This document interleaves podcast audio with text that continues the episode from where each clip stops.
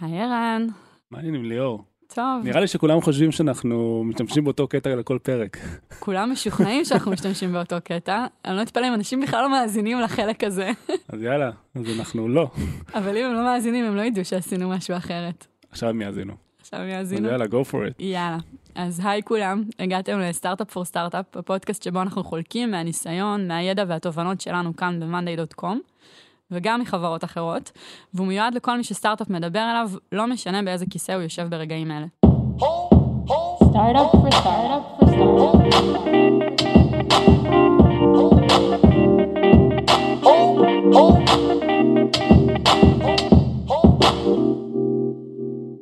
אז היום אנחנו נדבר על נושא שמעניין כל חברה, בכל שלב תמיד, וזה כסף. ובאופן ספציפי אנחנו נדון בשאלה איך אפשר להשתמש במערך הכספים של חברה על מנת להאיץ את הצמיחה שלה. אז איתנו היום כאן כפיר ליפמן, שהוא סמנכ"ל הכספים בחברה, ואיתנו כבר למעלה משנתיים. זה השלב שאתה יכול לדבר, כפיר. מה העניינים, כפיר? היי ערן, היי ליאור, כיף שהצטרפת אלינו. כיף להצטרף אליכם. אז שנייה באמת, לפני שניכנס ונבין איך אפשר למנף אה, ניהול כספים לטובת צמיחה של חברה, אולי בכלל תסביר בכמה מילים מה האתגר בניהול כספים, מה בעצם התפקיד שלכם ביום-יום. אז אני חושב שהאתגר המרכזי שיש ל- ל- למחלקת כספים באופן כללי, להסתכל לאן החברה רוצה להגיע. זאת אומרת, יש איזשהו יעד שהחברה רוצה להגיע אליו, והחברה, ומחלקת הכספים צריכה לגזור אחורנית מה, מה התכנון או מה הדברים שהם צריכים לעשות, מה ה action item שצריך לעשות כדי להביא את החברה למקום שהיא רוצה להיות בו. עכשיו, אם, אה, אה, אם רוצים להכניס לזה טיפה יותר קונטקסט, אז, אז אם החברה לצורך העניין רוצה להגיע לאיזשהו, אה, רוצה להגיע בסוף השנה לאיזשהו יעד של מכירות, או ליעד של הכנסות מסוים, אז אנחנו צריכים להבין כמה כסף אנחנו צריכים כדי להגיע לשם, מה, כמה הוצאות פרסום אנחנו הולכים להשקיע, כמה אנשים אנחנו נהיה, האם אנחנו הולכים להתרחב ל... ל בכמות עובדים ברמה כזו שאנחנו נצטרך משרדים נוספים, או אם אנחנו צריכים אה, אה, להשקיע ב, בכל מיני, אה, לפתוח אישויות נוספות כדי להגיע לשווקים שאנחנו רוצים להגיע אליהם. כל הדברים האלה אנחנו צריכים לדעת אותם מראש, כדי לגזור אחורנית ולתמחר אותם או לתקצב אותם בצורה כזו, שנהיה מוכנים, שיהיה לנו מספיק cash flow כדי, כדי להגיע לשם. כמה זמן קדימה מתכננים? אז אני חושב שזו שאלה, זאת שאלה מאוד טובה, אבל אה, היא נכונה לחברות שונות בתקופות שונות. זאת אומרת, חברה שהיא מאוד צעירה, אה, קשה לה נורא לתכנן שנה ושנתיים קדימה. חברה שנמצאת בסדר גודל שלנו, זה יהיה סוג של פשע לא לתכנן שנה או שנתיים אפילו שלוש קדימה, לראות אה, אה, שיש לנו בסיס מזומנים מספיק גדול כדי, כדי להגיע לאן שאנחנו רוצים. אני חושב גם שתכנון נכון של כספים, הוא צריך לקחת בחשבון שיש לך, שהיעדים העסקיים של החברה לא אמורים להיעצר בגלל שאין את ה-cash כדי להגיע לשם. זאת אומרת, נתקלתי בהרבה חברות שהלך להם מאוד טוב, הם לא תכננו נכון את, ה, את, ה, את הכסף שיש להם בבנק כדי להגיע ליעד, והם פתאום נתקעו והיו צריכים, צריכים להאט את, ה, את, ה, את, ה, את התאוצה שלהם בזמן שהם, שהם לא היו צריכים לעשות את זה מבחינה עסקית. ערן פה מהנהן בראש. כן, אני חושב ש... פעם אמרו לי פייננס, זה היה נשמע לי כמו משהו כזה אה, שאני חייב לעשות. זאת אומרת שהחברה צריכה להציג דוחות, היא צריכה לעשות תקציב. תמיד היה נראה לי כמו בולשיט, כי כשאתה יזם בתחילת הדרך, אה, יש כזאת אמירה שאומרת, האקסל סופג הכל. אתה יכול לשים מה שאתה רוצה. מה שלא מסתדר לך עם מה שאתה רוצה להציג למשקיעים, שנה שני מספרים, אתה יכול למכור את, ה, את החלום. אני מאוד לא מאמין בכל הקטע של אה, תוכניות עסקיות, איך אתה יכול לתכנן לאן החברה תלך לפני שאתה מבין עד הסוף מה המוצר, ואין סיכוי שאתה מבין אותו לפני שאתה מתחיל את החברה ומקבל המון פידבקים מהלקוחות. אבל אה, אני חושב שאחד מהדברים שהבנו עם הזמן, זה שה finance זה כלי. בסוף אה, כסף זה משאב, וזה ממש אומנות לאיך עושים אופטימיזציה. זה משאב מאוד יקר לחברה, במיוחד בשלבים הראשונים, שכסף, אה, מגייסים כסף, אבל הוא עדיין כאילו איזשהו resource שהוא לא זמין כל הזמן. אז אני, אני ממש מסתכל היום על finance לדרך לעשות אופטימיזציה, ל- ליכולת של החברה לצמוח ולהמון דברים אחרים, בעזרת cash flow והמון אספקטים אחרים. בואו נשאר עוד רגע ב- דווקא בשלבים המוקדמים, אה, כי אמרת כאן משהו שאולי יזם שיושב עכשיו ומאזין לפרק הזה אומר לעצמו, אז אני לא צריך בעצם לעשות את הביזנס פלן הזה שמבקשים ממני, כי הוא חסר טעם, והנה אני גם אוסיף ציטוט של ערן זימן שאומר שזה חסר אין, טעם. אין לי בעיה. אני, יש אז- לי גם משנה על אוניברסיטאות, יש לי הרבה, הרבה תחומים שאני יכול אה, להגיד מה דעתי עליהם, אבל איך אה, בכל זאת, כפיר, איך בכל זאת בונים בתחילת הדרך תוכנית עסקית שהיא, אמנם האקסל סופג הכל, אבל למה בכלל כן חשוב לעשות את זה? אולי, אולי זה לא חשוב, אולי נסכם היום ש... אז, אז אני האמת חולק קצת על ערן, אולי בגלל שאני בא יותר מהכיוון, ה, נקרא לזה, המתודולוגיה או האקדמי, אבל אה, גם יזם בתחילת הדרך, סימן אגב שאתה בכיסא הנכון אם אתה חולק על ערן, כן. אני אומר, גם יזם בתחילת הדרך, שאין לו מושג אם המוצר ילך לאיזשהו כיוון אחד או אחר, הוא צריך שיהיה לו איזושהי תוכנית. ומה שאני ממליץ זה לקחת את, ה, את התוכנית שלך ו, ולהוציא לה שורש, או, או לחלק אותה בשתיים, כי מבחינת כאילו היעדים של ההכנסות בשנה הראשונה, כי זה לא תמיד קורה.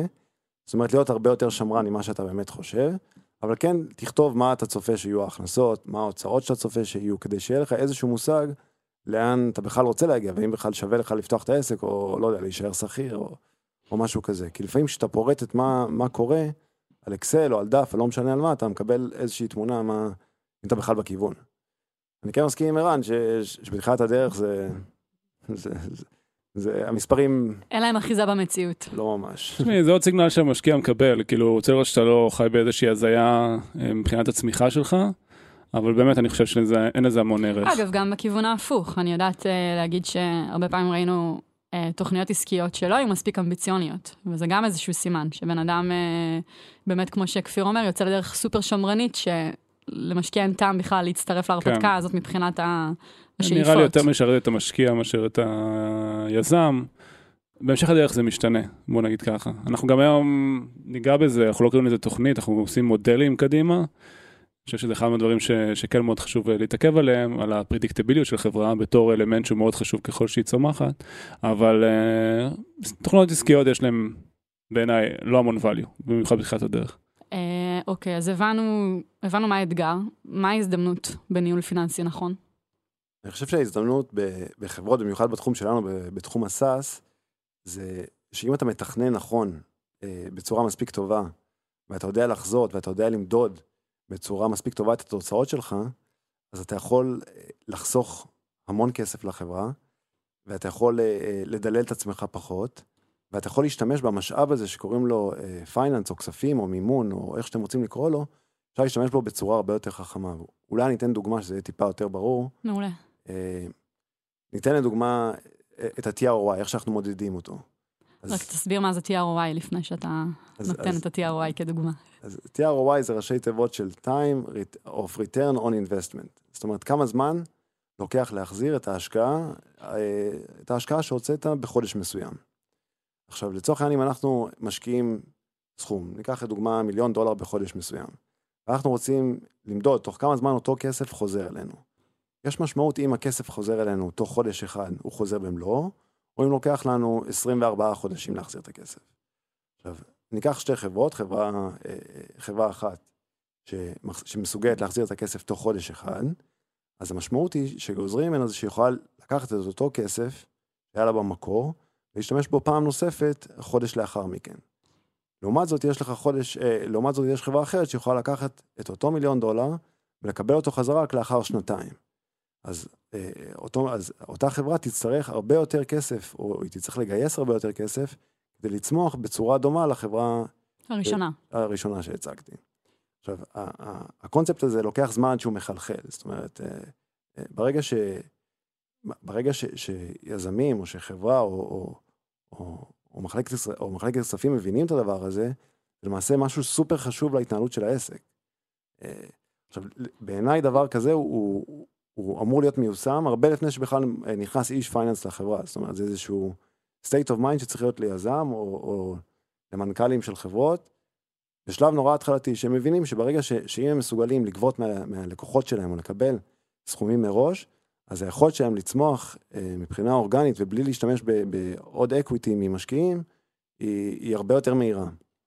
אה, אז, אז זה, זה איזשהו משהו שאני חושב ש, שחברות SaaS, יש להם הזדמנות להשתמש בו, והן לא תמיד משתמשות בו בצורה נכונה. ערן, מה ההשלכות העסקיות של תובנה כזאת? עצומות. אני, אני פוגש המון יזמים, אה, במיוחד בכלים כמו שאמרנו, כלי סאס, שזה לא טריוויאלי להבין למה חברות אה, מוכנות נגיד להציע, להציע ללקוח 20% הנחה אם הוא יקנה תוכנית שנתית. לכאורה על, ה, על הנייר החשבונאי, אם עושים אה, הכנסות והוצאות, נשמע שהחברה מפסידה כסף. זאת אומרת, לקוח שישאר איתי במשך שנה אם הוא שולם לי כל חודש, אל מול לקוח שישלם לי שנה מראש ואני אתן לו 20% discount. זאת אומרת, מה ההיגיון בזה?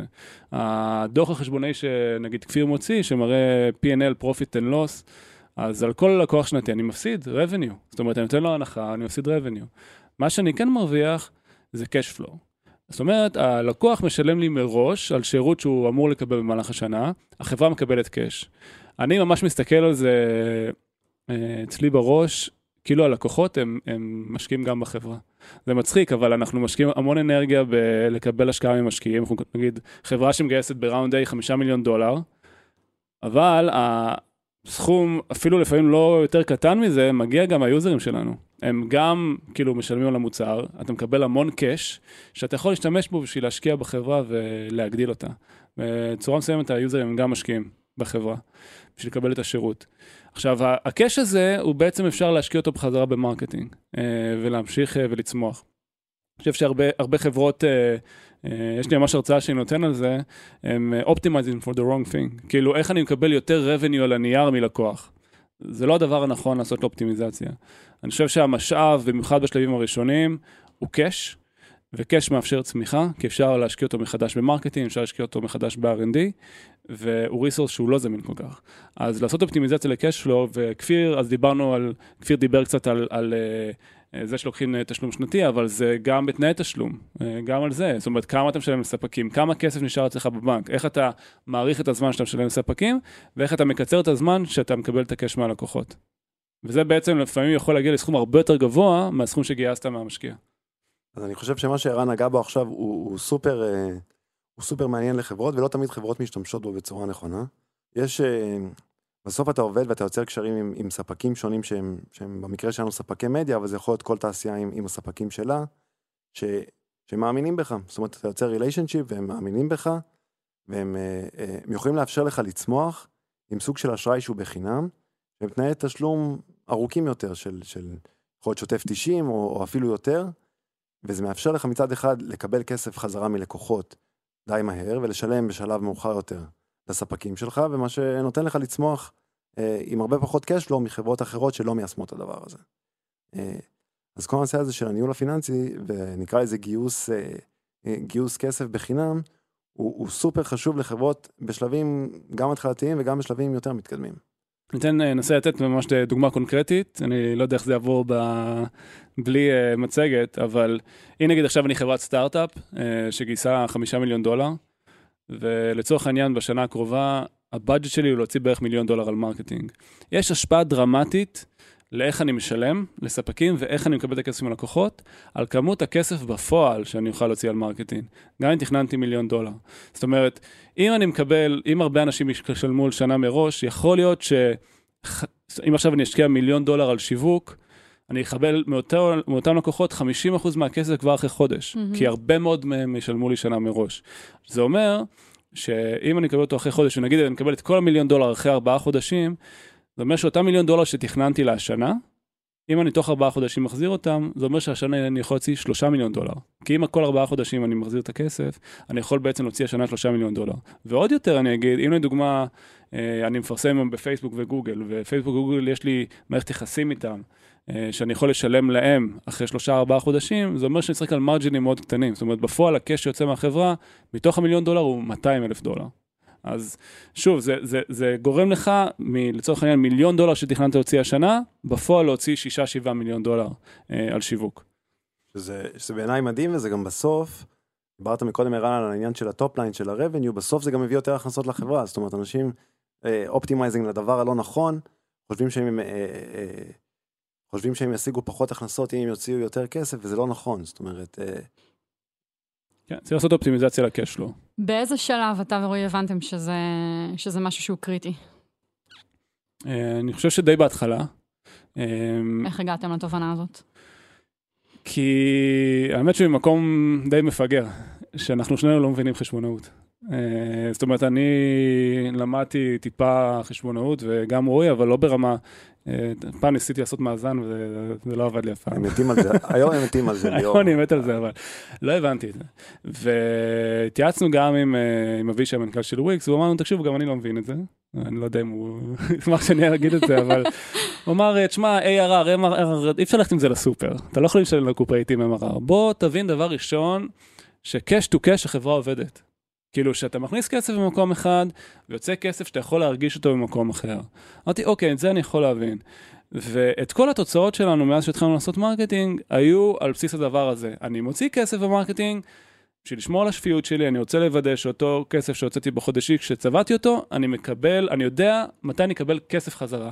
לפני שאני מחשב uh, revenue ו-loss וכל הדברים החשבוניים האלה שצריך לעשות בדוח, אני רוצה דבר ראשון להבין שהחברה cash-wise, make sense.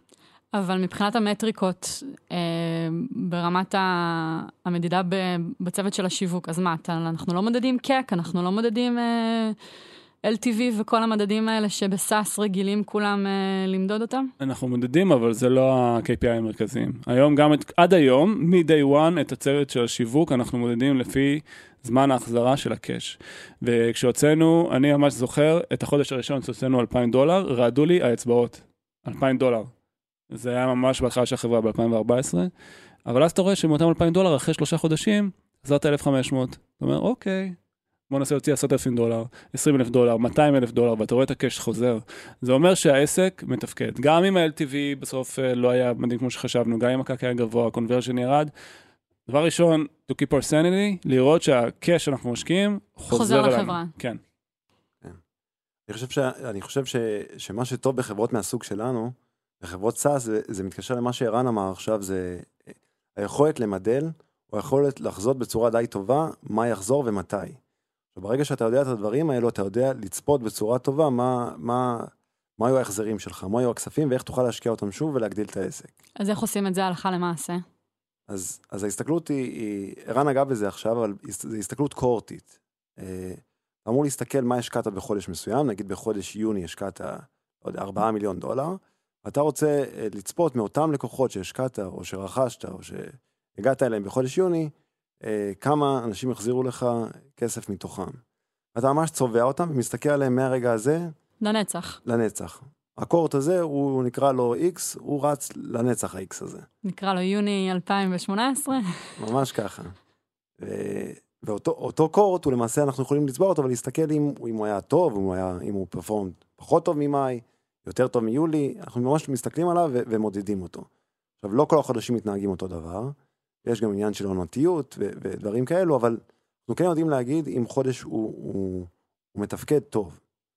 אז uh, לטובת מי שרוצה ככה לקחת את מה שאנחנו אומרים וליישם אותו בחברה שלו, איך בעצם מודדים TROI? מה הנקודה שבה מתחילים למדוד את הזמן? אז TROI מודדים מאותו חודש שהשקענו את הכסף. זאת אומרת, אם השקענו בחודש יוני את הכסף, אז אנחנו נמדוד מחודש יוני את, את, ה, את הזמן שלוקח להחזיר את הכסף. זאת אומרת, עוד יותר פרקטי, נגיד שהיה קמפיין בפייסבוק בחודש יוני, אז כל מי שהגיע אלינו אי פעם מהקמפיין הזה, צבוע בקורט של, אה, של קמפיין יוני. יוני, וזה ה-TROI שלו, נכון. נכון? מאותו הרגע, מאותו הרגע אנחנו מתחילים למדוד אותו. נכון, וחודש יולי כבר ייחשב לך חודש אחד לאחר, מכ... לאחר מכן, וחודש אוגוסט יהיה חודשיים לאחר התאריך שהשקעת את הכסף. משם אנחנו למעשה מודדים ובודקים כמה כסף הצלחנו להחזיר חזרה מאותו, מאותה השקעה של הקורט המסוים הזה. גם אם לקוח ישלם שנה אחרי זה, ואנחנו יודעים לשייך אותו לקמפיין של... אה, כן, שזה כמעט לא קורה. זאת אומרת, הרוב המוחלט אה, תוך חודשיים שלושה יהפכו להיות לקוחות משלמים, יש איזשהו לונג טייל מאוד מאוד קטן, אבל די מהר אנחנו... אבל תיאורטית זה כן, לנצח ישוייך לקורט הזה. נכון? וגם לאחר שנה, אחרי שהם משלמים שוב, זאת אומרת, אחרי שהשנה, אחרי שהשנה שלהם מסתיימת ומתחילה שנה חדשה, הם שוב משויכים לאותו cohort. כן, צריך גם להבין שפה אנחנו קצת אה, מחמירים עם עצמנו, כי תאורטית אנחנו אה, קנינו את המדיה נגיד בחודש יוני, אבל לפייסבוק על חודש יוני יכול להיות שנשלם באוגוסט, כי פייסבוק עובדים בשוטף פלוס 60, או גוגל לצורך העניין. אז זה עוד buffer ים שאנחנו זה עוד מייצרים buffer, לעצמנו. שגם את זה כפיר מחשב, אבל בשביל להחמיר עם עצמנו, אנחנו מניחים שהוצאנו את הכסף באותו חודש.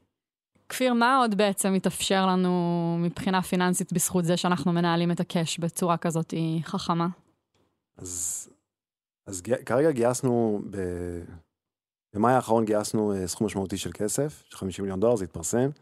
אה, חלק מההזדמנויות שיש זה מה עושים עם הכסף הזה, זאת אומרת, חלק מהכספים אנחנו כמובן משקיעים בפרסום ולהצמיח את החברה, אבל יש עוד אה, חלק משמעותי שאנחנו, שאנחנו משקיעים בפקדונות כדי לקבל ריבית. זאת אומרת, הכסף לא שוכב סתם ללא, ללא מעש, רגע, אבל אם אנחנו כל חודש מחזירים, זאת אומרת, אם המנגנון עובד באמת כמו שתיארת אותו לפני רגע, למה לנו בעצם לגייס כל כך הרבה כסף? מה מטרת הגיוס? מטרת הגיוס היא, היא, היא להצמיח את החברה. אה, זה כולל להגיע, ל, ל, לפתח את החברה מ, אה, ממוצרים חדשים, לגייס עובדים נוספים וגם להשקיע יותר ב, ב, בפרסום ולהצמיח את החברה ב, במה שהיא עושה כרגע. אבל הקש שאנחנו מחזירים כל חודש, שוב, מאותו אז- המנגנון שתיארת, לא מספיק כדי לייצר את הצמיחה הזאת? אז הק- הקש כן מאפשר ל- לקיים את, ה, את, ה, את החיים היומיומיים של החברה, אבל הכספים שמה זה מש- אומר?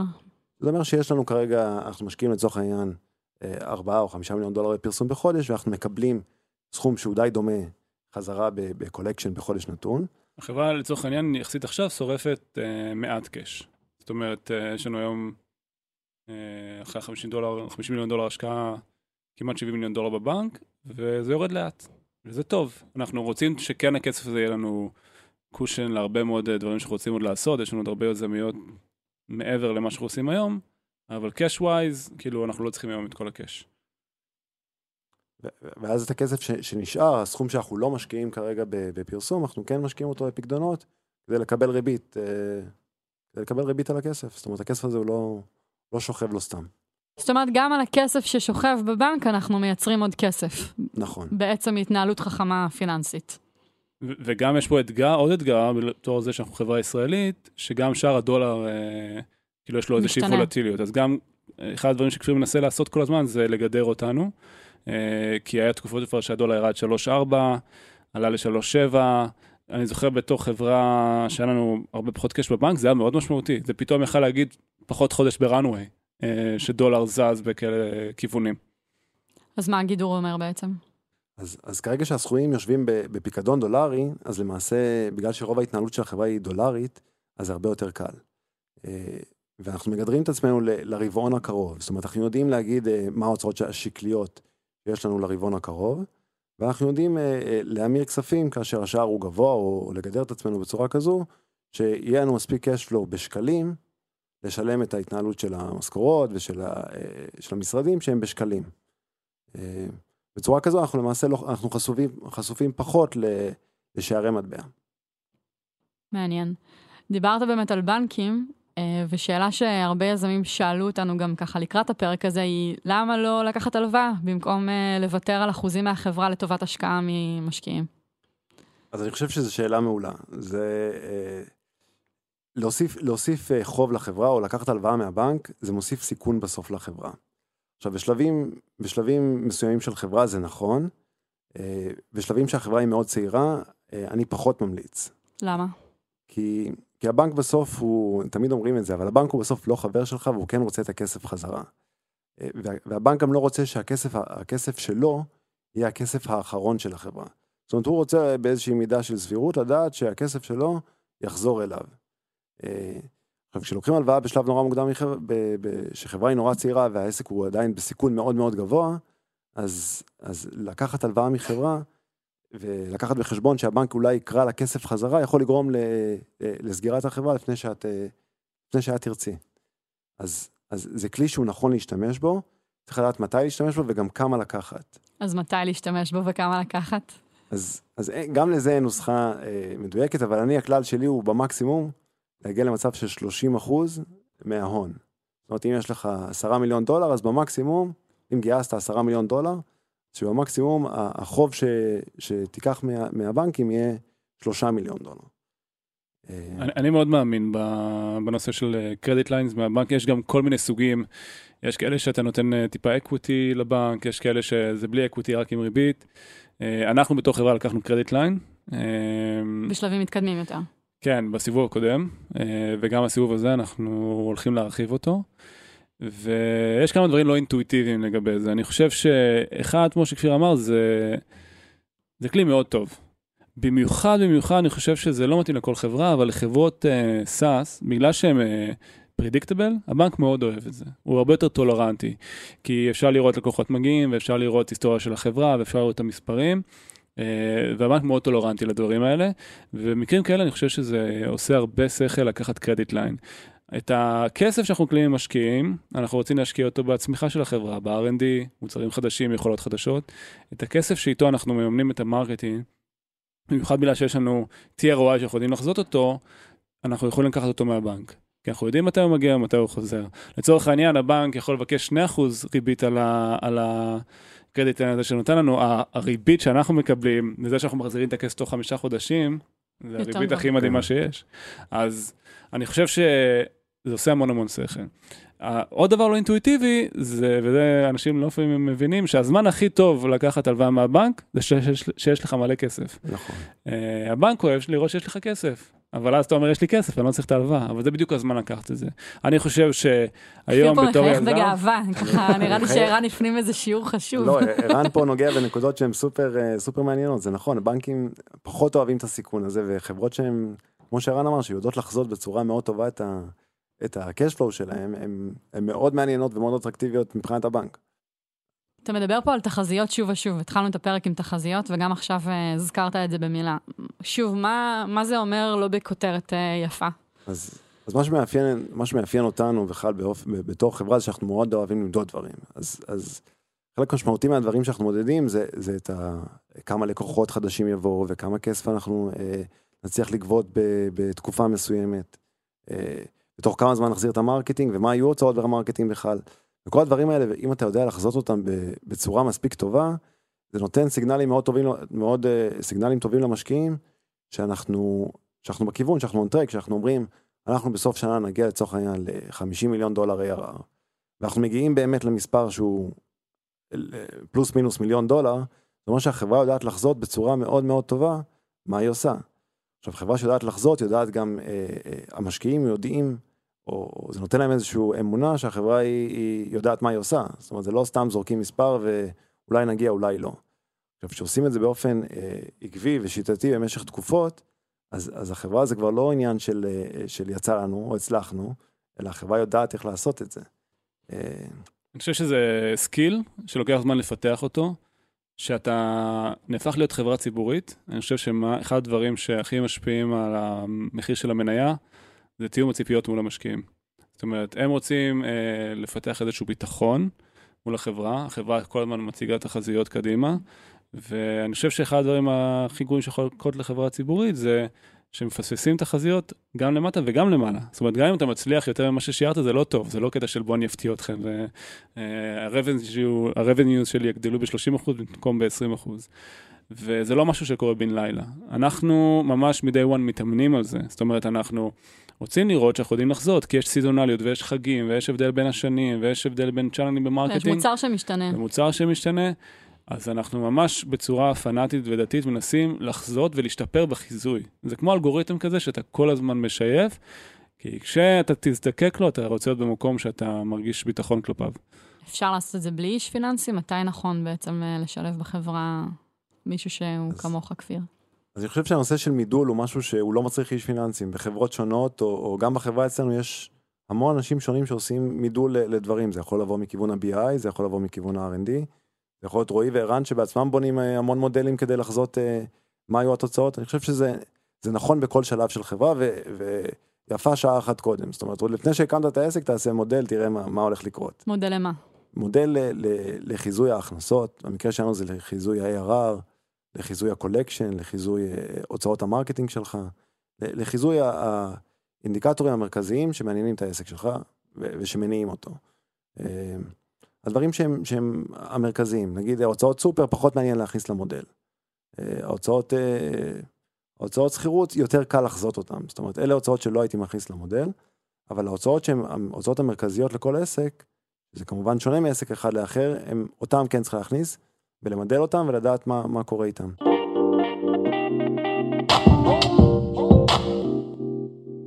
ככה, למי שלא ביקר במשרדים שלנו, אז uh, באמת אולי ה- ה- היחיד שיושב בחדר סגור ולא ב open space הוא כפיר. כפיר ומיטל יושבים להם באיזה חדר עם דלתות.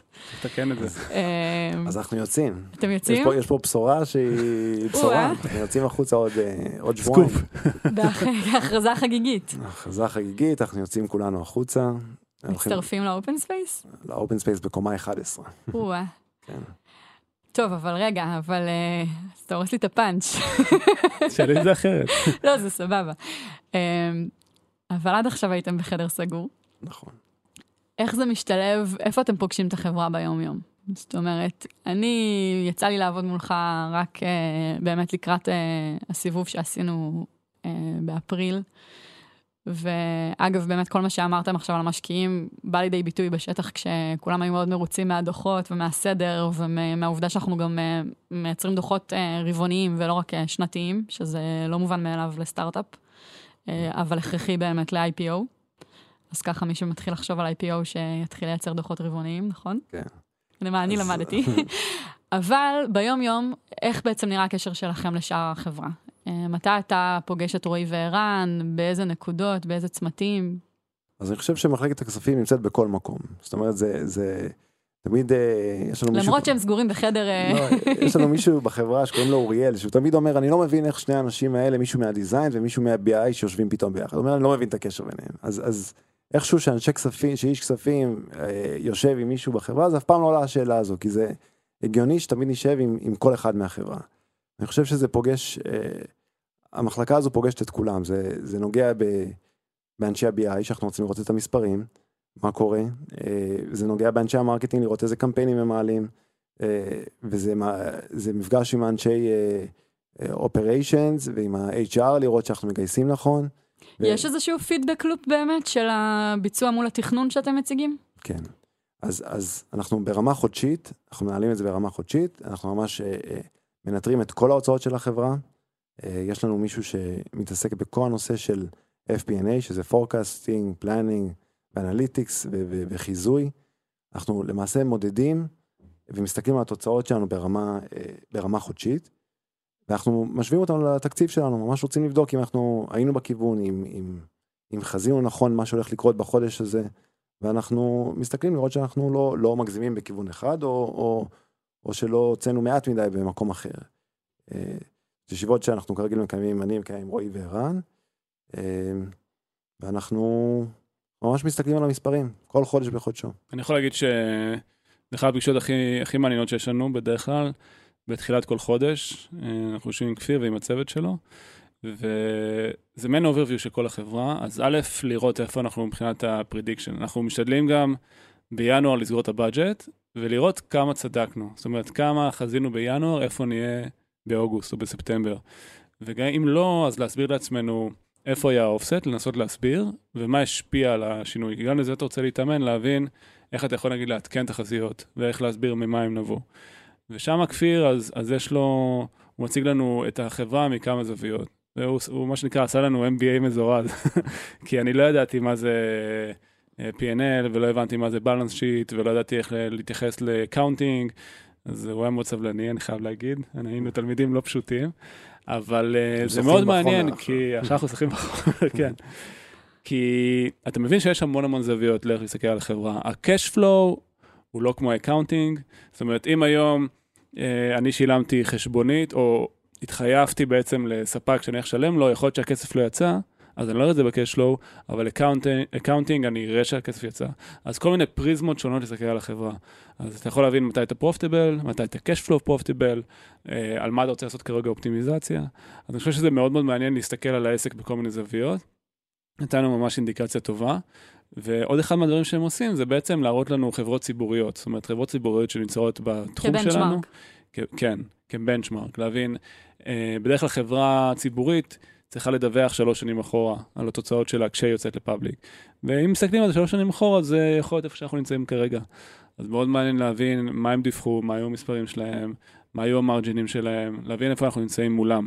אוקיי? זה גם איזשהו בנצ'מארק מאוד מאוד מעניין. גם אם אני לא יודע בדיוק איך העתיד שלנו יתגלגל, IPO, לא IPO, מה יהיה עם חברה, אבל זה עדיין איזשהו בנצ'מארק מאוד מאוד מעניין. אז אני חושב שזה שילוב גם של להציג את התוצאות של איפה אנחנו עכשיו כחברה, גם להשוות אותנו ל public market, ולהסתכל על החברה בכל מיני פריזמות אה, מאוד מעניינות. בחזרה שנייה לתכנון ותכנון מול ביצוע, יש מקומות שאנחנו עדיין לא טובים בהם? אמ, אני חושב ש... שהסטיות גדולות, ש... אז, אז אני חושב שברור שכן. זאת אומרת, אנחנו, אה, אנחנו מנסים כמובן למזער את ה... או אנחנו מקיימים פגישות לפני כל שנה, ואנחנו מנסים לחזות בצורה טובה מה אנחנו יכולים לעשות בשנה הזו, אבל מאוד קשה לחזות אה, הוצאות חד פעמיות שהן גדולות. אז, אז כמובן שכן, נגיד עכשיו, יותר מזה, אם אני יכולה. להוסיף על זה שנייה, אז- אה, כפיר, גם, אתה יודע, כשהתחלנו את השנה לא ידענו שבאוגוסט אה, נעבוד על המוצרים שאנחנו עובדים עליהם כרגע. זאת אומרת, אשכרה לא ידענו שנלך לכיוונים שאנחנו הולכים אליהם ברגע זה. אז ברור שתחזית בחברה שהיא כל כך מתפתחת וצומחת, היא מוגבלת. עכשיו שנייה, אני מנסה להבין איפה, נכון. איפה זה בא לידי ביטוי. אז, אז זה בא לידי ביטוי, זה, זה בא לידי ביטוי בעיקר בהוצאות שהן חד פעמיות גדולות. נגיד אם אנחנו עושים קמפיין פרסום שהוא מאוד גדול, שלא ציפינו אליו, אז לא צפינו שיהיה פתאום, נגיד. נגיד, קמפיין מאיפה פרסום הבאת את הדוגמה ענק, הזאת? ש- נגיד זה בניו יורק. נגיד שהוא בניו יורק, ונגיד שהוא ונגיד שזה ב-20 בספטמבר. ונגיד שהוא יותר ממיליון דולר, אז, אז, אז דברים כאלה לא ידענו לחזות בש- בש- בשלב הזה. או נגיד אה, אה, הוצאות PR שציפינו שהם יהיו הרבה פחות, ופתאום החלטנו שאנחנו הולכים להשקיע בזה הרבה יותר. אז זה הוצאות שהן פשוט לא, לא צפויות. אה, זה גם יכול לבוא לידי ביטוי באם אה, אנחנו רואים שפתאום הצוות האמריקאי הוא הופך להיות סופר משמעותי עבורנו. אז אנחנו, יכול להיות שאנחנו נאיץ שם את ה- נאיץ ה-. דבר כזה גם משפיע על כמות ההוצאות ועל התקצוב בארצות הברית ועל המשרדים שם. אה, אז אתה זוכר חודש שהייתה איזושהי סטייה שממש אה, ככה הדירה שינה מעיניך? אה, לא ב-2018, ב-2017 היה איזשהו חודש אחד שהיה בעייתי מבחינת אוקטובר לדעתי, זה היה באוקטובר 2017, שהיה איזשהו קמפיין פרסומי שלא כל כך צלח. אז, אז כן ראינו, אז צפינו להוציא איזשהו סכום מסוים של הוצאות מרקטינג, והוצאנו בפועל הרבה הרבה יותר. לדעתי זה היה מיליון וחצי דולר יותר ממה שציפינו. והקמפיין הזה היה, אה, הוא, לא צלח כל כך, הוא לא היה כל כך טוב. אז גם התוצאות שראינו מאותו קמפיין, זאת אומרת, מבחינת ה-cash flow וה-ROI ומה שהצלחנו אה, להחזיר. להחזיר ממנו, היה, היה פחות טוב. זה היה נגיד חודש שמבחינה עסקית לא חזינו אותו מספיק טוב, והוא, הוא, מה היה הפער? הפער היה של מיליון וחצי דולר מבחינת ה... לא, של 700 אלף דולר בהוצאות מרקטינג באותו חודש. שזה היה כמעט 50 אחוז יותר ממה שציפינו להוציא. אה, ואז מה עושים כשקורה דבר כזה? מתקנים אותו קדימה? איך בעצם אה, זה משפיע על המשך התחזיות?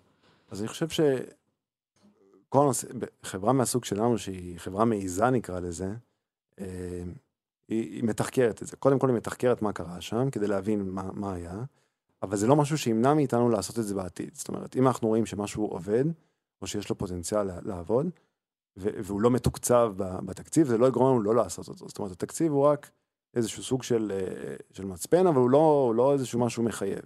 אגב, אולי ההפך, אולי בזכות התקציב ובזכות התכנון אתה יכול להעז כל כך הרבה, כי אתה יודע באמת, יש לך איזושהי נראות מאוד טובה של איפה אתה עומד, ו... שזה זה גישה נכונה להסתכל על זה, כן, אז, אז נכון, ברוב החודשים אה, אני אנחנו... גם פה- לומדת מהר, אתה נכון. אה, ליאור מצטיינת אה, פייננס.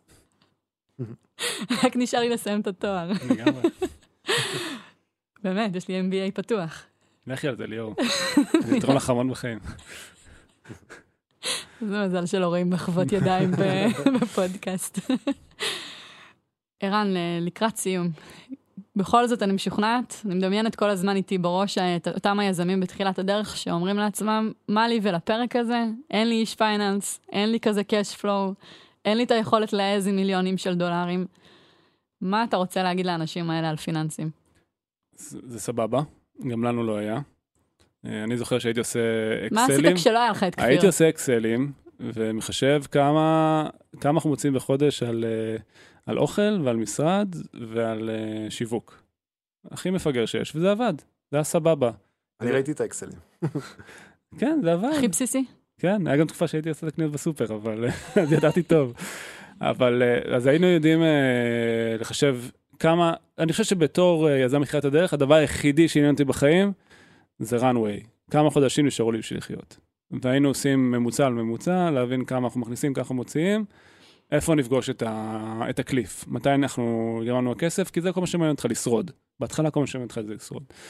אחרי זה, ואחרי זה מבחינתי, זה נגיד תקופת הסיד, אחרי שגייסנו מיליון נקודה ארבע דולר, והתכוננו ל-A, אז כאילו זה, זה היה ההרגשה. אחרי שהגענו ל-A, שכבר יש לך חמישה מיליון דולר, השתנה לנו קצת החשיבה, והתחלנו לחשוב יותר על cash flow. כי אמרנו, אוקיי, יש לנו משאב של cash, זה הדבר היחידי שמדדנו. שום דבר, לא revenues ולא P&L ולא כמה אנחנו מוצאים על G&A וכל מיני קללות שאז לא הבנתי מה הן אומרות. cash flow, לראות שאתה in control.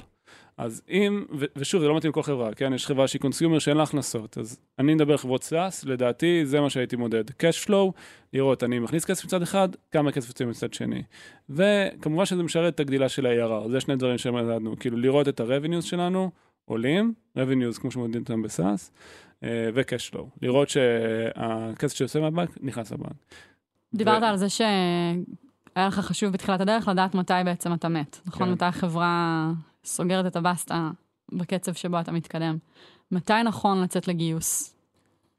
זו שאלה שיזמים תמיד שואלים. כן, אז... אה, אה, נראה לי שלכפיר יש תשובה. זו שאלה טריקית. לא, אני, תראי, אחד הפועל יוצא של פעמים שאתה עושה את החישוב הזה, זה שאתה, הנשימה שלך עוצרת באותו רגע, כי אתה אומר, אוקיי, שמונה חודשים, אתה מתחיל לעשות חישובים אחורה, עשרה חודשים, אה, אבל עד שנעשה את המשא ומתן זה חודשיים, ועד שנתחיל לפגוש אנשים זה ארבעה חודשים, fuck, אני צריך לצאת לגיוס עכשיו. בדרך כלל זאת המסקנה.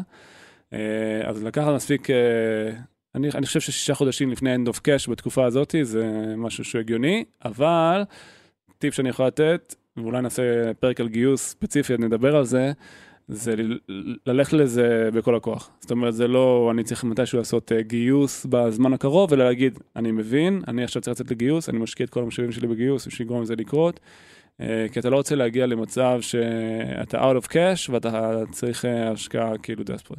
אני חושב שזה זה state of mind נכון, זאת אומרת, כשאתה יוצא לגיוס, אתה צריך להיות all in. זה לא, זה לא על הדרך, אני, אני אעשה את זה, זה פשוט צריך להשקיע את כל המשאבים שאפשר, בשביל לעשות את זה בצורה נכונה ושיעבור חלק. אני יכול להגיד עוד משהו שלי מאוד עזר מנטלית, ובתקופה הזאת כבר כפיר היה. אה, כשיצאנו לגיוס, אז הוא עשה חישוב, אמר לנו, תקשיבו, אם עכשיו אתם מורידים את ה-burn על מרקטינג לככה וככה, ואם ההכנסות מהלקוחות שמגיעים, אם אני מוריד את הלקוחות החדשים, אתה אתה עשה חישוב, הראה לנו, החברה היא break even. ואז אתה אומר, אוקיי, fuck the משקיעים. אה, worst case, אני יכול למשוך את זה. אוקיי, אני כן, חושב שזה ואז כלי... אתה יוצא עם איזושהי תחושה של ביטחון הרבה יותר גבוה. כן, זה לא, זה פתאום לא הופך להיות מקום של אה, להיות או לחדול, זה הופך להיות מקום של, אוקיי, יש לי עסק פה שהוא יכול להחזיק את עצמו. אולי נעט את הקצב, אולי נעשה כן, דברים אחרת, case, אני לא- אבל... אתה לא רוצה להגיע לשם, אבל זה, בפסיכולוגיה של המשא ומתן, זה שם אותך במקום כן, אחר. אתה אולי בעצם גם מצביע פה על עוד איזשהו... אולי זה הרגע המשמעותי שבו אנחנו מבדילים בין חברה בתחילת הדרך לחברה שהיא כבר יותר מתקדמת, שה-Worst case שלך הוא לא שהחברה תיסגר. כן.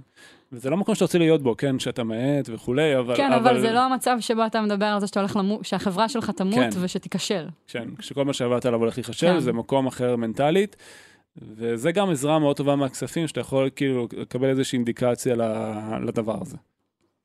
כפיר לחברה בתחילת הדרך אה, שעוד אין לה איש פיננסים. אם יש לך ככה טיפים, אז אני חושב שזה מתקשר למה שאמרתי בתח... בתחילת השיחה, שכל הנושא של ניהול פיננסי צריך להיות בראש של, אה, של יזמים מההתחלה. אה, ברגע שמישהו מבין מההתחלה שהקש לו יכול לשחק אה, לטובתך, אם זה במדידה של ה-TROI וכל הדברים שדיברנו עליהם מקודם, זה יכול לשחק מאוד לטובת היזמים מההתחלה. אז זאת אומרת שזה יישב בראש, ואני דווקא כן ממליץ לעשות איזשהו תקציב שהוא בסיסי, כדי להבין איפה החברה רוצה להיות לפחות בשנה הקרובה. מהמם. כפיר, תודה שהיית איתנו. תודה רבה, ליאור. למדתי הרבה. תודה, ליאור. תודה, ערן. תודה לכולכם שהאזנתם. Startup for startup for. Oh, oh.